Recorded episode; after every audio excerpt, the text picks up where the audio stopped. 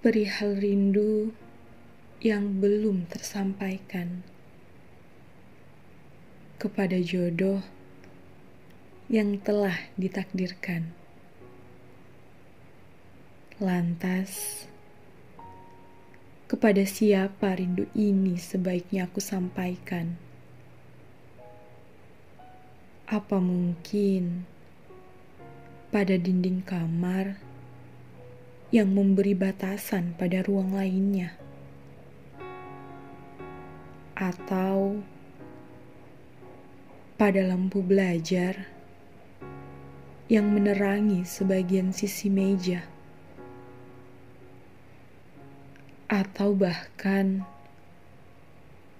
pada tumpukan buku yang meronta-ronta untuk dibaca. Di lengahnya malam menuju pagi,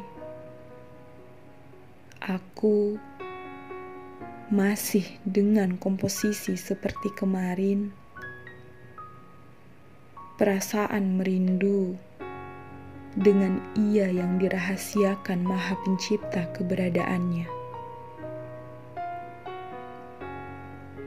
Sembari menunggu dipersatukan Maha Pencipta, aku sedang sibuk memantaskan diri.